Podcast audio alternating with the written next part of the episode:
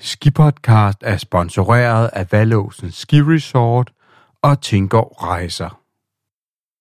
Skipodcast er i vinter humør og derfor får du portræt af en af de danske skiløbere. Du skal høre historien om Hej, det er Kasper Dyrby. om Kasper, der stiller op fra Danmark til slalom og storslalom ved vinter-OL, hvor han skal i ilden den 18. og 22. februar.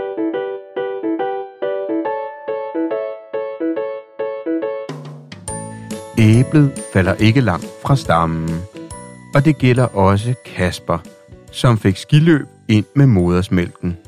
Jeg er 3-4 år gammel, så tog min øh, far en øh, træner og en øh, øh, instruktøruddannelse op i Sverige og Norge. Og så var jeg rigtig meget på skiskole, mens han tog ja, sådan det der, den der træning og øh, øh skiinstruktøruddannelsen. Så blev jeg smidt på skiskole, så det er rigtig ja, først der, at jeg begyndte at, sådan at få den her passion, fordi jeg, jeg nød at være meget på ski der. Ja, så da jeg var 6 år, så blev jeg medlem af skiklubben Harskoven. Det var så første gang, at jeg fik øh, sådan snuset lidt til sådan øh, portræning og sådan noget, men også kunne dybe alpin skiløb som en, en sport.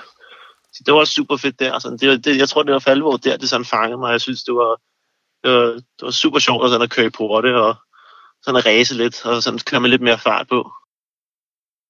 Jeg husker, øh, jeg tror, det var min første tur med, med skiklubben. Det var, jeg tog til, vi var i Sølten, på sådan Harskoven, de har sådan en øh, årlig tur i efterårsferien. Men det, det var min første tur sammen med Sølten, hvor jeg så også, øh, jeg tror det var min første gang i Porte, og der var så sådan noget parallelslalom, sådan en parallelslalom konkurrence, og det, altså, det var min første gang sådan lige i prøveporten, og så sådan kører jeg det første heat mod en, som allerede var i skiklubben og sådan. Og det, så vandt jeg det heat, og det var sådan helt vildt, synes jeg, jeg som en helt nybegynder kunne køre og slå en eller anden, øh, som allerede havde stået lidt på ski. Sådan, det var, det var, sådan, det var sådan, sådan lidt det, der sådan fik mig, wow, det, det var sjovt det og Det, jeg har jo bare sådan en lille naturtalent. Sådan, og den, den tur, den synes jeg bare også var rigtig god, fordi det var, det var en super tur. Øhm, at jeg var sådan, jeg, jeg blev begyndt være som en af, en af de bedste, og så kom jeg omkring, da jeg var 9 år gammel, 9 eller 10, øh, så kom jeg på ja, sådan ungdomslandsholdet der, eller det som hedder U16-landsholdet. Og så, øhm, ja, så med det så fulgte der, fulgte der også nogle sådan øh, internationale konkurrencer, blandt andet Trofeo Topolino, som er det sådan øh, uofficielle VM for sådan ungdomsskiløb, hvor jeg også øh, fik en, en 9. plads, hvilket var, det var ret stort på det tidspunkt. Så det var sådan, da jeg for alvor blev opdaget, at jeg faktisk var, jeg, jeg kunne godt noget inden for den her sport, så det, det jeg drev bare passionen endnu mere. Der er vist ikke meget tvivl om, at Kasper kan noget helt specielt inden for alpin skiløb. Han er taget til Sydkorea, hvor han stiller op i vinter-OL, men en af de første milepæle, han oplevede, var hans første World Cup. Mit øh, første World Cup, det var i Levi sidste år. Så det var ja, november 2016 må det være. Og det, det var sådan også, det var ret stort, fordi det, det var mit første World Cup. Altså før det, der havde jeg været til et verdensmesterskab, hvilket også var rigtig, rigtig stort. Det, det kan man så sige, det var, næsten måske endnu større, fordi jeg også øh, kørte et rigtig godt slalomløb der, øh, sluttede på en 36. plads. Så det var, det, det var ret stort, også øh, fordi et, det øh, VM'et det blev holdt i øh, USA, i Vale og Beaver Creek. Så det var også min første tur til sådan, ja, Nordamerika og sådan USA, så det var sådan en kæmpe oplevelse at komme derover, og så også at sneen derovre, det var helt fantastisk, så det, det var en kæmpe oplevelse også derovre. Oplevelser har der været rigtig mange af på vejen til vinter Men hvordan er det nu lige, at man træner, når man er professionel skiløber fra Danmark? Jeg træner på et internationalt hold, der hedder World Racing Academy, og øh, vi har base nede i Italien, omkring øh, det, det skisportsområde, der hedder Solda, eller Sulten. Og det ligger en halv time fra Mirano, hvor vi også nogle gange ligger og træner. Men øh, der har vi så et hold, hvor vi er, vi er rigtig mange nationaliteter. Ja, det er fra blandt andet ja, Japan, Tjekkiet, øh, Letland, Irland, Island og, ja, og så videre og så videre. Så det, det, det er meget internationalt, og vi snakker selvfølgelig engelsk. Men øh, så dernede, så jeg bor så i en lejlighed med to forholdet, som øh, ja, så vi laver mad sammen og træner sammen og ja, transport og sådan noget. Så det, og så, ja, så bor man dernede, og så træner man øh, ja, stort set hver formiddag, og så er der noget fysisk træning om eftermiddagen. Og så øh, er der selvfølgelig nogle konkurrencer ind imellem, som rent i weekenderne. Så det, øh, altså, der er lidt forskel på nogle af de der konkurrencer. Nogle de vil gerne tage nogle andre konkurrencer, så er der måske nogle få, der tager ud til dem. Og så er vi nogle andre, som tager til andre, så tager vi en lidt større gruppe derhen. Men så kan det også være, hvis man selv synes, der er en konkurrence, der er god for en, så tager man alene afsted. Så det, det, det er sådan lidt forskelligt, hvad man gør. Men altså, vi, vi har sådan en kerne, som træner sammen, sådan der ved vores base i Solda. Fra Italien i dag og tilbage til turene med Harskov Skiklub, er der løbet meget tøsne igennem åen, så at sige. Jeg bedte Kasper om at sætte ord på den gang til nu.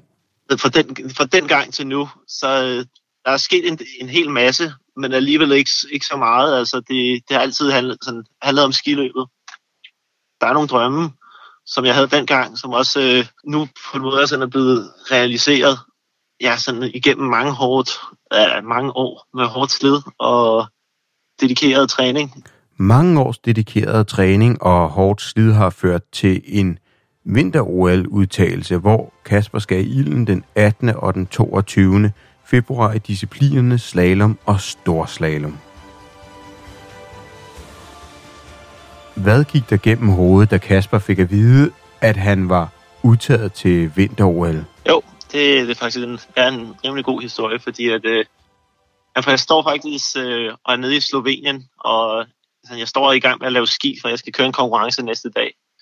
Og så jeg har også min kæreste med, for hun er så fra Ungarn og kører selv lidt på ski. Så, men, øh, og så lige pludselig så får jeg, altså jeg kunne mærke i min telefon, at sådan, jeg fik nogle mails, men jeg havde sådan ikke lige tid til at tjekke dem. Og så lidt senere, så får jeg sådan en opringning fra min far, og spørger, om jeg har læst mine mails, fordi at øh, jeg var bare blevet udtaget til OL nu. Og så først tænker jeg sådan, du må lave sjov med mig eller alt eller andet. Men så det, det var det så ikke sådan. Og så begyndte han at læse den der mail, som jeg havde fået op sådan i, ja, i telefonen, og app.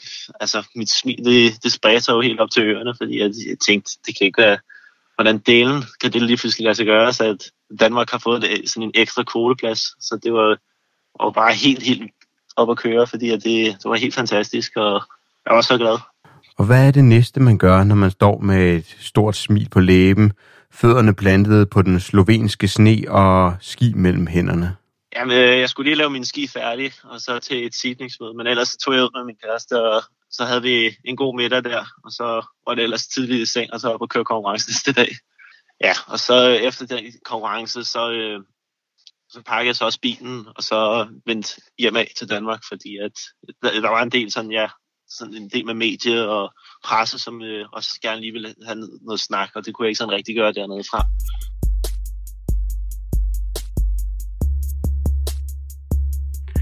Og nu skal Kasper til vinter Det har jeg nævnt før, men vidste du også, at alpin skiløb kom på vinter programmet i 1936, altså 82 år siden.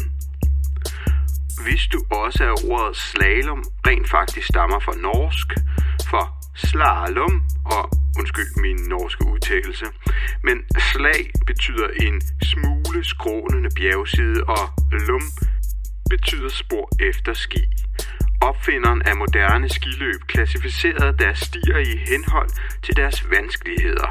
Slalom var et spor, der blev brugt i Telemark af drenge og piger, der endnu ikke kunne prøve sig på de mere udfordrende kørsler.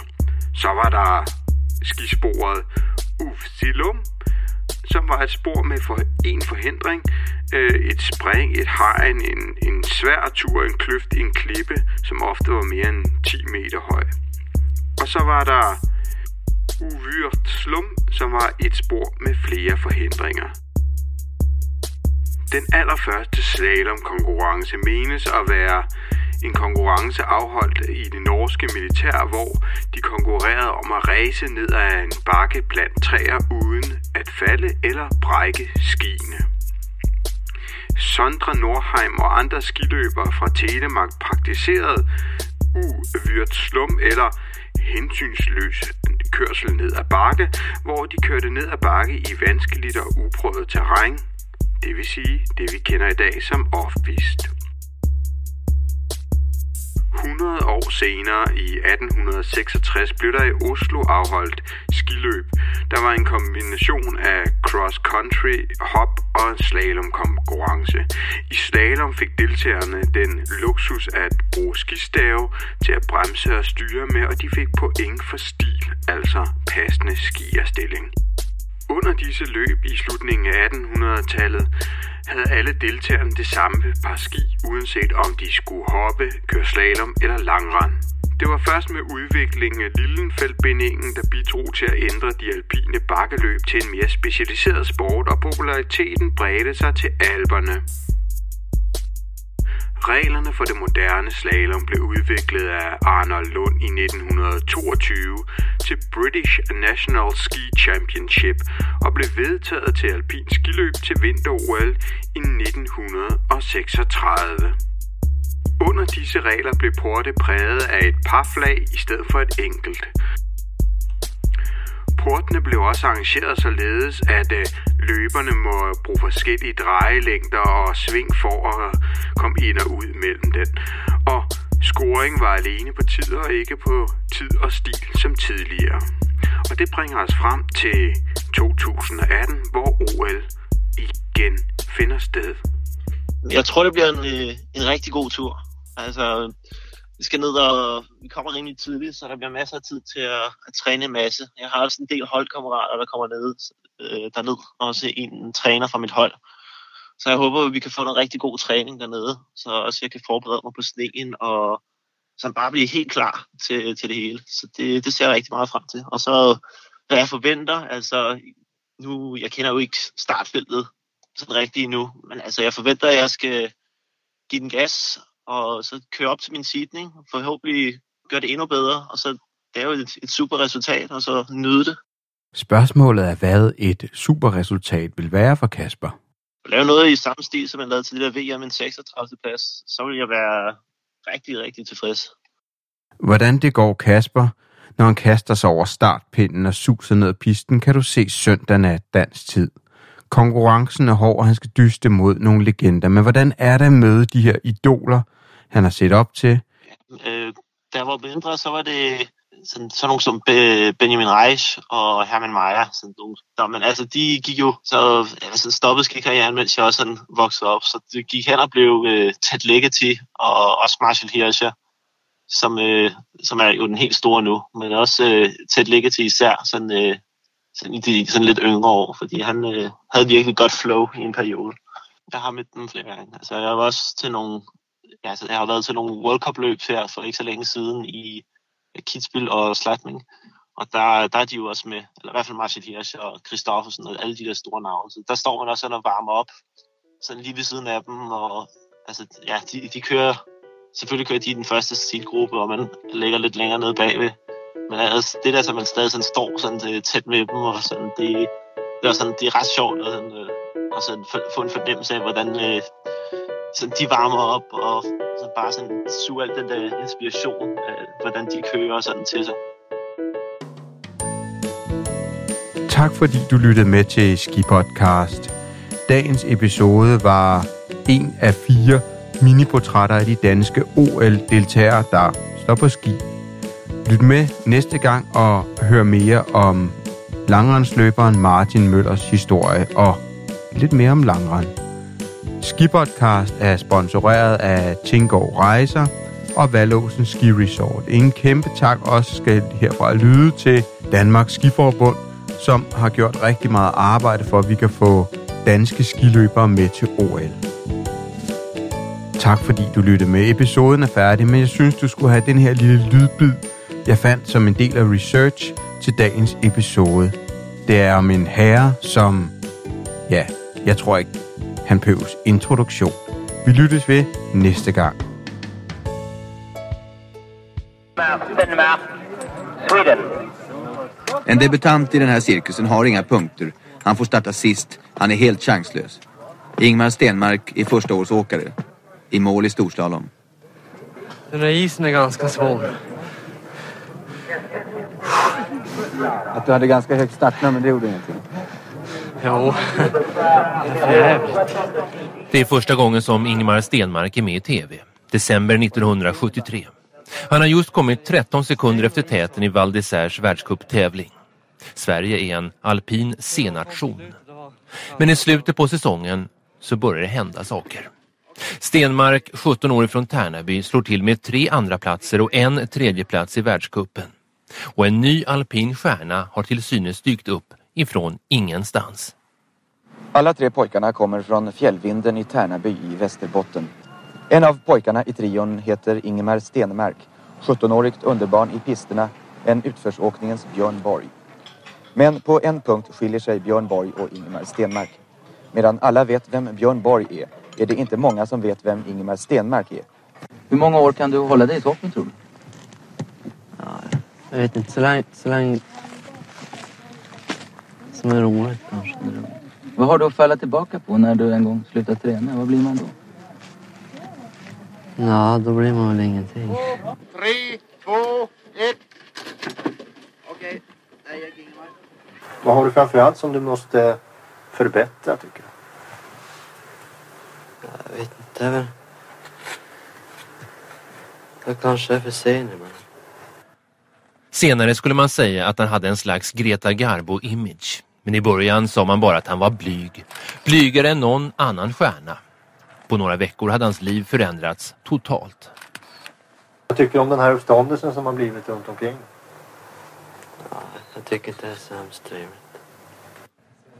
Sponsorerna blir plötsligt intresserade. Stenmark är det motvilliga affischnamnet. Det är bara åk och inget annat Ingen mening med att prat Ingemar är tyst och kör Och det ger resultat La la la la la Det är bara att åka alltså. Ja. Du har ju präglat det som en, som en, som ett slags en devis eh, på dialekt. Hur låter det när du säger det? ja. Jag vill inte säga. Jag Det tycker ju- det är så fjantigt det där med dialekten att den ska måste... Jag kan inte rå för att jag pratar på ett sätt då. What appears to be melancholy in the case of Ingemar Stenmark is more likely... I Sverige är han en nationalidol. Utomlands beskrivs han ofta som gåtfull. Ett amerikanskt tv-team besöker honom i Tärnaby inför OS 1980 och liknar honom vid Hamlet. I try to be... to be alone. And not to speak so much with... with the people around. So perhaps there is a bit of Hamlet in him at that. To be sure, for a young unmarried world skiing champion, he does lead a quiet life at home. He likes to fish and think. This man who won 13 World Cup races in 1979, breaking a record set by the great Jean-Claude Keely. But is he a sullen, uncooperative loner, as some of the European ski press have pictured him? We didn't find him so. Rather, he seems cool, confident, concentrated. Here in Sweden, he has developed the poise that has enabled him to come from behind time after time to become not Hamlet, but the king of the hill.